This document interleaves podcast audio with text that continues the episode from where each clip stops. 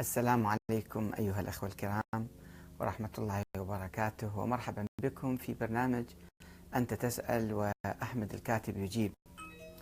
السؤال موجه من قبل الأخ آه، سيروان مريواني. يقول آه، ما هي عقيدة السيد كمال الحيدري؟ وهل يشكل الآن فرقة شيعية جديدة؟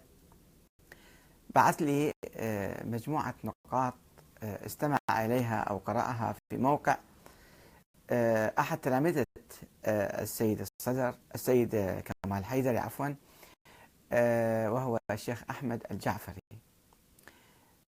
هذا الشيخ أحمد الجعفري كما تعرفون الآن يمكن ينشر منذ فترة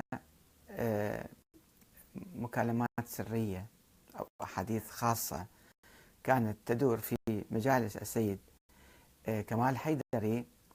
ولم يعلن عنها أمام الملأ.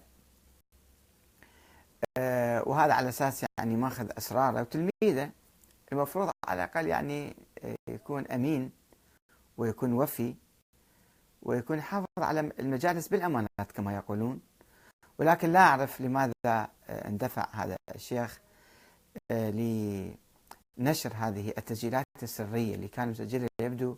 ما أعرف هواتف خاصة أو شيء حتى يفضحها بعدين يفضح السيد كمال الحيدري. أو أنه مدفوع من بعض المرجعيات الأخرى المنافسة وكما تعرفون هناك دائما تنافس بين المراجع. والصعود يعني دائما يحاولون يحطمون أي واحد مرجع شاب جديد تجديدي إصلاحي. خصوصا وحتى هذا لم يكن إصلاحيا دائما هناك يعني فتاوى مضادة ويطلعون عيوب الآخرين حتى يسقطوهم وحتى الناس لا ينتخبوهم.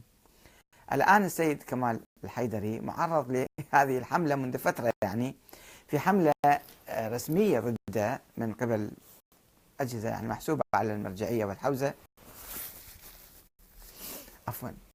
وأيضا هناك آه، ناس من تلاميذه يعني هناك من انشق عنه وقال إنه مثلا آه، أفكاره مو صحيحة انتقد أفكار السيد كمال الحيدري أو كان عنده ملاحظات عليه.